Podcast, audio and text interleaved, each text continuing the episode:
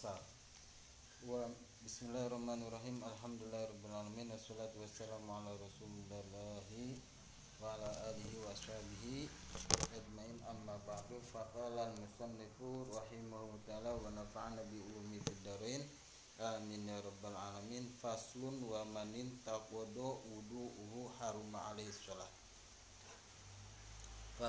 faslun fasal wa manin taqwado dan barang siapa yang batal.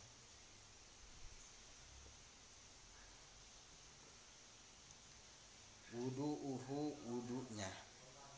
Barang siapa yang batal wudunya dan barang siapa.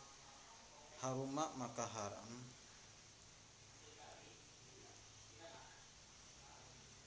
Alaihi atasnya as-salatu salat maka haram atasnya melaksanakan sholat wa tawafu dan tawaf jadi haram tawaf wa hamlul mushafi dan membawa mushaf.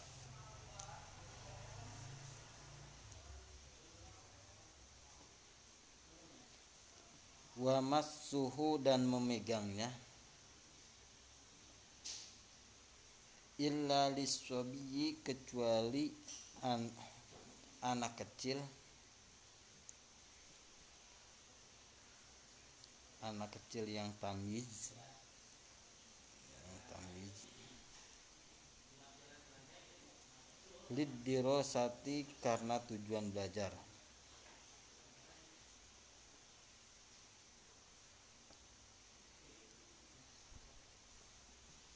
wa alal junubi dan haram atas orang yang junub.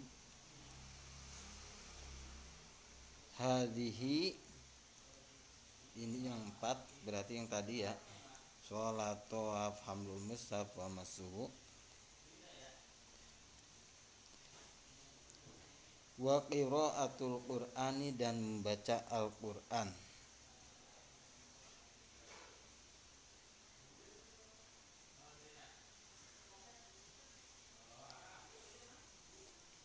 wa muktul masjidi dan berdiam di masjid.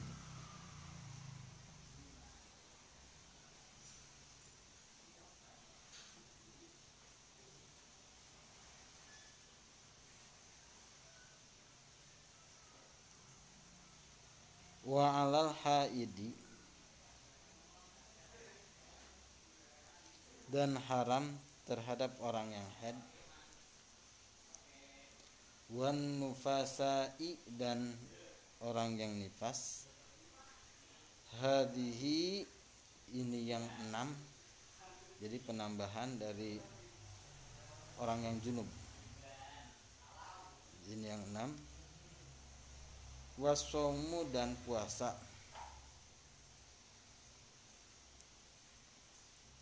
Qoblal inkito'i sebelum selesainya darah atau berhentinya darah. Watam kinu zauji dan berhubungannya suami wasayid dan tuan minal istimta'i daripada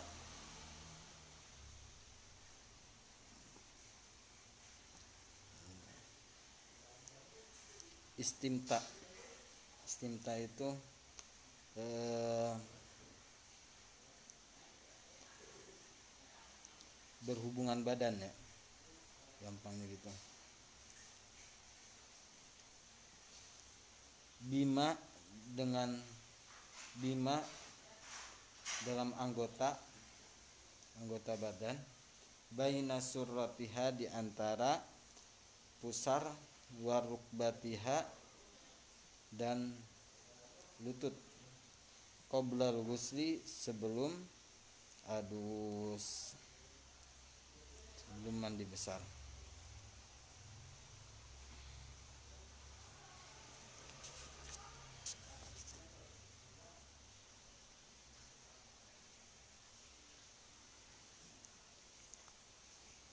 Ya, sekarang pasal ini membahas tentang hal-hal yang diharamkan ketika kita punya hadas kecil ya, atau pertengahan atau besar. Ya, maksudnya ya itu hadas kecil atau hadas be- besar. Ya. Wa manin takodo wudu'uhu haruma alaihi sholah. Barang siapa yang batal wudunya maka haram empat perkara. Ya, empat perkara. Apa saja? Yang pertama haruma alaihi sholah. Haram melaksanakan shol- Sholat. sholat. Berarti kalau saja wudhunya nggak sah, berarti sholatnya Nggak sah. Terus lagi haram. Haram. Ya, haram. Di sini jelaskan fardun au naflan, baik itu puasa sholatnya sholat fardu ataupun sholat sun sunnah. Was au sholat janazatin atau sholat jenazah. Jadi melaksanakan sholat jenazah tanpa wudhu haram. Wa mithluha sajadatut tilawah. Seumpama daripada sholat dalam hal haram melaksanakan sholat adalah sajadatut tilawah sujud tilah sujud tilawah.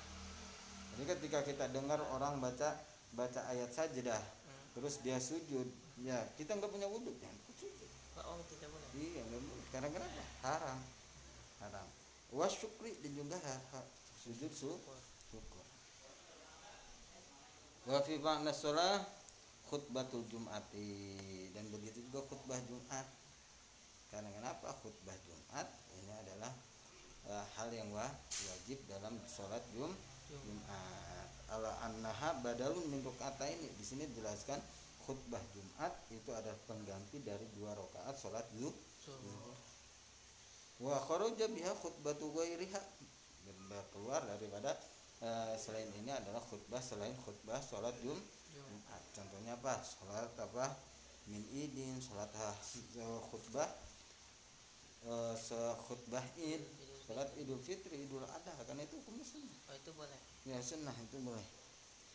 Ya, au kusufin atau khutbah kusuf, au istisqain atau khutbah istisqa. Nah, fayundabu at-taharah laha. Tapi hukumnya bersuci dalam khutbah sholat id, khutbah sholat kusuf, khutbah sholat istisqa itu hukumnya adalah sun Sunnah. sunnah. Karena kenapa? Bukan termasuk hal yang wajib. Jadi sunnah. Yang kedua, ketika kita ha- apa batal wudhu maka haram kita melaksanakan to toaf. Toaf itu apa? Mengelilingi Ka'bah. Ya, bi anwaihi fardun au naflan, baik itu toafnya fardu ataupun sholat sun sunnah. Ya, fardu berarti eh, ketika apa? melaksanakan rukun haji ataupun rukun um umroh. Kadang-kadang kan kita ah pengen toaf aja, pengen sunnah toaf. Ya, itu haram kalau saja kita punya hadas hadas kecil. Kecil. Ya. Bagaimana sekarang katanya kan susah itu kan antara laki-laki sama sama perempuan suka campur di situ. Memang namanya dalam mazhab Imam Syafi'i yang mu'tamad adalah laki-laki dan perempuan ketika bersentuhan dua-duanya batal. Ya, tetapi ada kaul yang do doif. Kita tahu kaul yang doif itu sewaktu-waktu kita bisa amalkan.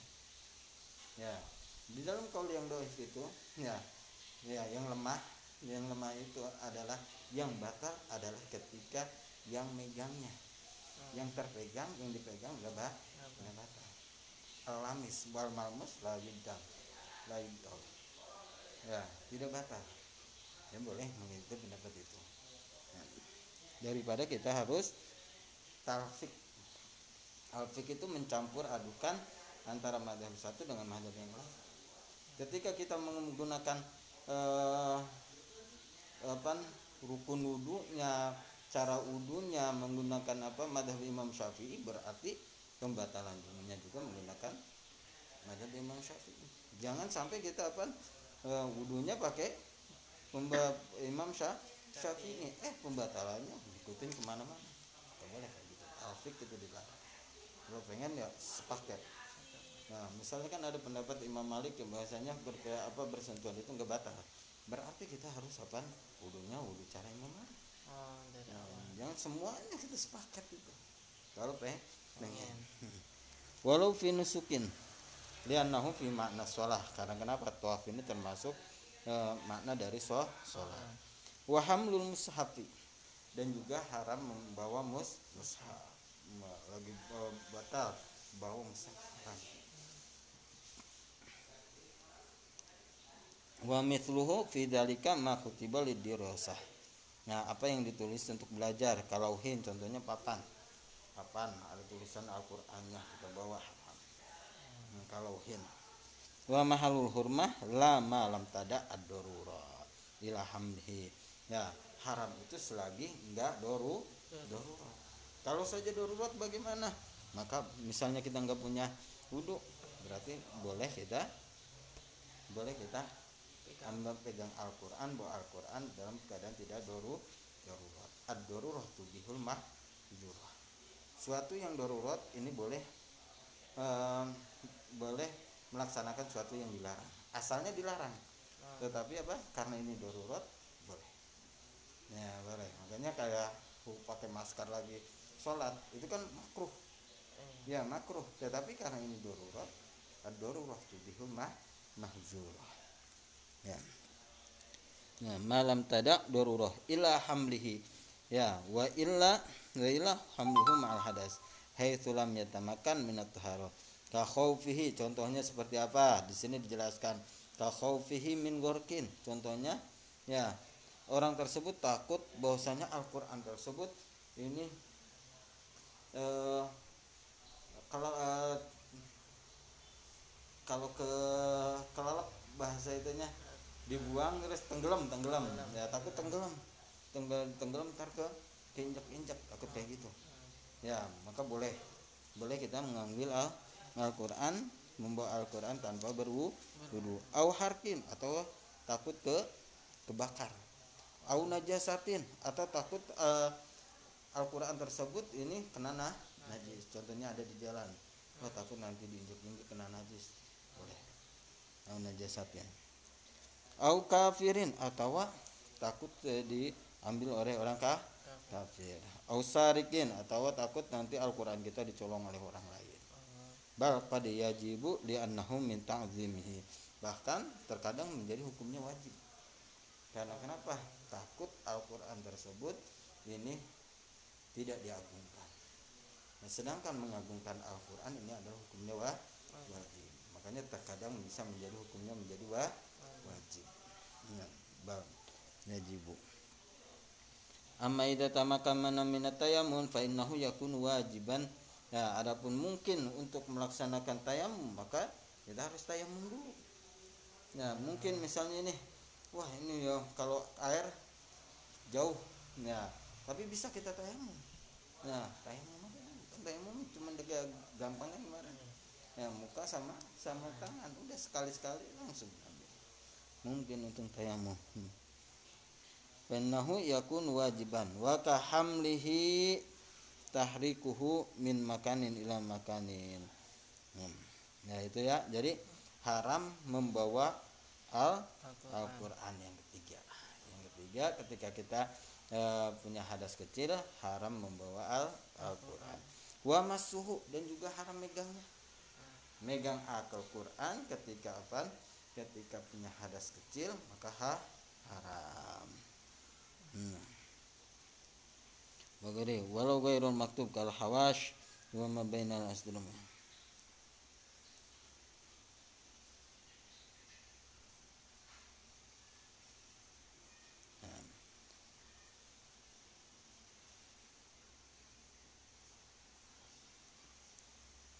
Illa lisobiyi kecuali bagi si so, sobi anak kecil. Tapi anak kecilnya yang sudah mumayyiz. Ya Mumayyiz. mumayyiz itu tamyiz. Oh, bisa bisa membedakan antara yang baik baik dan yang bu buruk kayak umur tujuh tahun kemarin dibahas. Kalau saja umur 4 tahun jangan. Takut dirobek-robek. Oh, ya dirobek-robek. Karena belum apa? Belum tahu. Ya kalau saja tamyiz kan udah tahu oh ini Al-Quran. Jangan dirobek-robek. Berarti boh boh illa lisobi lid dirosati karena tujuan untuk bela belajar. ya belajar. Ya ayli hajati ta'alum. Li anna taklifal istihaz bitutara ta'azzumun fihi masyaqqah ya itu ya. Jadi ketika kita punya hadas kecil maka haram empat hal. Yang pertama sholat dua toab bawa Al-Quran. Yang ketiga pegang al Al-Quran yang kedua wa alal junubi dan atas orang yang junub. Junub itu punya hadas be Besar. besar. Ya maka ditambah pengharamannya. Hadihi yaitu ini berarti yang tadi. Haram sholat haram toab haram pegang Quran haram bawa Qur Quran. Ya tambah lagi ya di sini wa qiraatul qur'ani. Yang kelima adalah haram baca al Al-Qur'an nah ketika kita apa? Punya hadas besar berarti haram baca Al-Qur'an. Nah ya. Ya di sini mimma lam tunsakh tilawatuhu. Ya selagi itu belum dihapus bacaannya. Karena ada Al-Quran itu ada yang dinasah tilawatuhu ada yang dinasah eh, hukmuhu hukumnya. Ya, harus tahu kita. Ya, itu kan nggak bisa kita langsung ambil hukum langsung dalam Al-Quran. Apakah hukum tersebut udah dinasah apa belum? Nasah itu dihapus. Nah dihapus karena dalam Al-Quran juga ada gitu. Al-mansukh hukmuhu yang dihapus hukumnya. Nah, tapi itu termasuk Al-Quran juga. Nah ada. Nah, tapi ini mim malam tunsakh tilawatuhu. Bil lisan dengan lisan. Nah, namanya qiraah berarti dengan di lisan. Bil qalbi kalau saja dengan hati bo boleh di sini jelaskan. Walau kana makruh ba'du ayatin meskipun yang dibaca adalah satu a- ayat. Misalnya lagi punya hadas besar. Ya, baca Al-Qur'an alhamdulillahirabbil alamin. Haram. Karena kenapa? Dia punya hadas be- besar. Walau ba'du ayatin walau kaswirotan bahkan bahkan kalau saja pendek banget ya cuman ul ya tujuannya baca al Al-Quran walahu ar-ramli wa bujairume walau harfan bahkan bujairume walaupun satu huruf in kosoda kalau saja bertujuan untuk membaca Al-Quran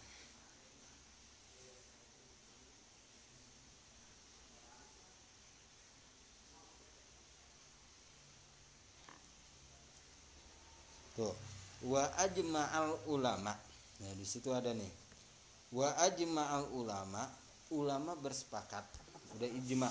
Ulama bersepakat ala jawa dzikri atas bolehnya zikir lil muhdis kepada orang yang punya hadas kecil wal junubi dan orang yang punya hadas besar wal haidi dan haid wan nufasa dan nifas itu apaan yaitu tadi zikir dengan al Al-Quran. Jadi ketika kita baca Al-Quran tujuannya zikir ya zikir aja. Ya ini kan kalau di sekolah itu kan kadang-kadang ya kayak gitu. Nah disuruh baca. Apalagi lagi ujian. Udah baca tapi tujuannya di zikir. Jangan tujuan baca Al-Quran. Nah, terus jangan dipegang jangan nyentuh. Liatin aja. Jadi biar gurunya yang buka Al-Quran jangan tinggal baca. Tujuannya adalah dalam hati adalah di zikir. Karena kenapa? Zikir menurut sebab ulama ini mereka sudah sepakat bahwasanya boh boleh. Orang yang muhdis orang yang punya junub orang yang head orang yang nifas boleh zikir dengan al Al-Quran.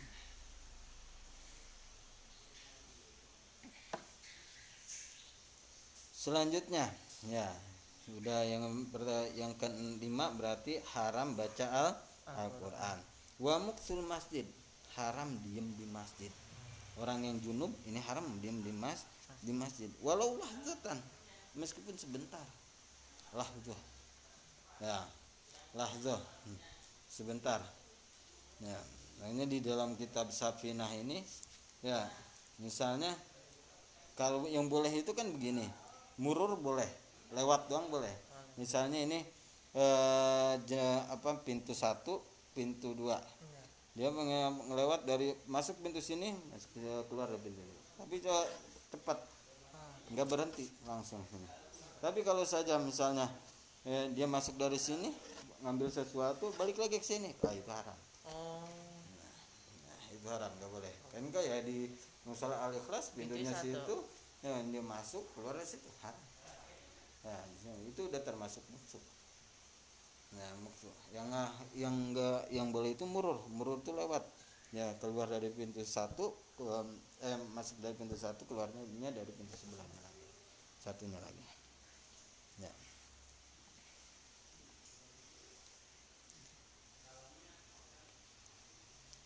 Ya jadi muksu muksul masjid ha haram. Yang keenam ya yang keenam bagi orang yang junub haram diam di Mas. di masjid wa alal haid. Sekarang hal yang haram bagi orang yang head wan nufasa dan orang yang ni nifas. Kan udah dijelaskan bahwasanya eh, darah yang keluar dari perempuan itu ada tiga. Ada darah head darah nifas sama darah istihadah kalau darah head yaitu darah yang eh, keluar pada saat-saat dia lagi sehat. Ya darah head ya biasanya eh, sebulan sebulan berapa hari dia keluar. Ya paling sedikitnya darah head itu ketika dijumlah waktunya 24 24 jam. Nah kebiasaannya 6 atau 7 hari. Ya paling banyak darah head adalah 15 ha- 15 hari. Kita harus tahu hukumnya karena kenapa? Kita ini pemimpin, pemimpin keluarga nanti insya Allah. Yang adik ajarin itu. Jadi tidak semua apa semua darah yang keluar dari perempuan itu dikatakan darah. Haid. ada yang darah namanya darah nifas eh darah istihadah. Kalau istihadah wajib sholat. Wajib puasa. Nah harus tahu. Walal haid dan haram bagi orang yang haid. Wan nufasa dan orang yang nifas. Berarti ketika udah lahir ngelahirin kan itu keluar darah. Namanya darah nih nifas. Ya paling banyak 60 hari. Paling sedikit itu cuman sehari semalam lahzah lahzah sebenarnya. Cuma se- sebentar keluar darah langsung bisa berhenti. Itu paling sedikit. Tapi kebiasaannya walidnya 40 hari. 40 hari. Ya itu wan nufasa apa? Hadihi yang ini. Berarti yang tadi yang enam. Ya, toaf eh sholat toaf bawa Quran pegang Al-Quran. Terus apa lagi? Baca. Baca Al-Quran diam di mas diam masjid ya. Tambah lagi. Buatan wa wasomu haram puah Puasa. puasa. Ya. Jadi kalau saja orangnya head orang yang nifas haram puasa. Ya. Kenapa kalau yang haram puasa doang tapi nggak haram puasa nggak haram so eh haram puah puasa. Tadi kan sudah haram sholat sudah. Ya kalau perbedaan al farqu baina sholah wa, wa saum di sini dijelaskan nih bil ijma wa saum qoblal inkito sebelum selesainya darah. Jadi sebelum apa masih mengalir mengalir nggak boleh puasa. Bil ijma ulama udah sepakat. Wajibu kodouhu dan wajib kodonya bil khilafis sholat berbeda dengan sholat jadi kalau saja puasa wajib kok bil khilafis sholat berbeda dengan sholat. Karena kenapa? Wal farqu bainahuma taqarruruha. Nah perbedaan antara apa? Sholat dan puasa karena sholat ini taqarruruha. Terus menerus hmm, ya. Tiap bulan itu pasti ada head. Banyakan yang belum karena kenapa? Ada ada yang nggak head. Ada. Nah, kayak Sayyidatnya Fatimah head head ya jadi itu wal farqu bainahuma taqarruhat itu tiap bulan biasanya head nah, fatashtaddu al masyaqqah. Ini kodo iha bi khilafiha. Fatashtaddu maka merasa berat. Al masyaqqah berat banget. Fi iha di dalam mengkodoi so sholat. Bikhilafihi dengan berbedanya puasa. Kalau puasa kan setahun sekali. Kalau sholat ya misalnya se- puasa sholat kan sehari aja tiga lima kali. Ya misalnya dia head sehari eh, tujuh kali. Berarti tujuh kali lima. tiga puluh lima kali. Dimodoin doang. Sholat yang biasa aja udah kadang-kadang apa? Kadang-kadang harus dipaksain tambah kudu lagi. Makanya fatas tadu al hanya ada ada kaidah fikih al masyaqqah tajlibut taisir masyaqqat ini bisa menarik kemudahan. Nah, al masyaqqah tajlibut taisir contohnya seperti apa?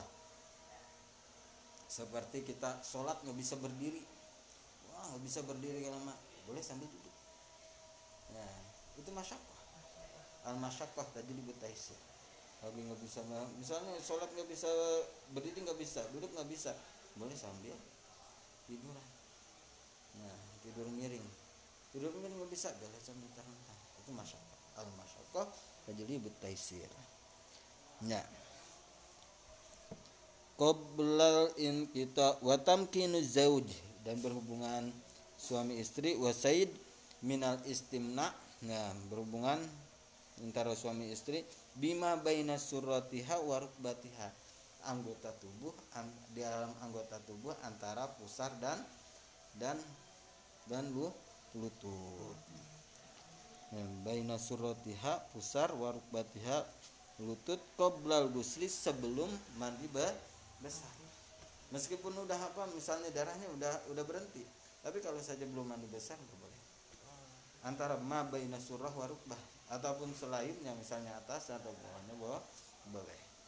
Ya di sini dijelaskan walau badal in kita meskipun meskipun setelah berhentinya dah darah wa lima minal bayyina ikhrajus surah wa rukbah nah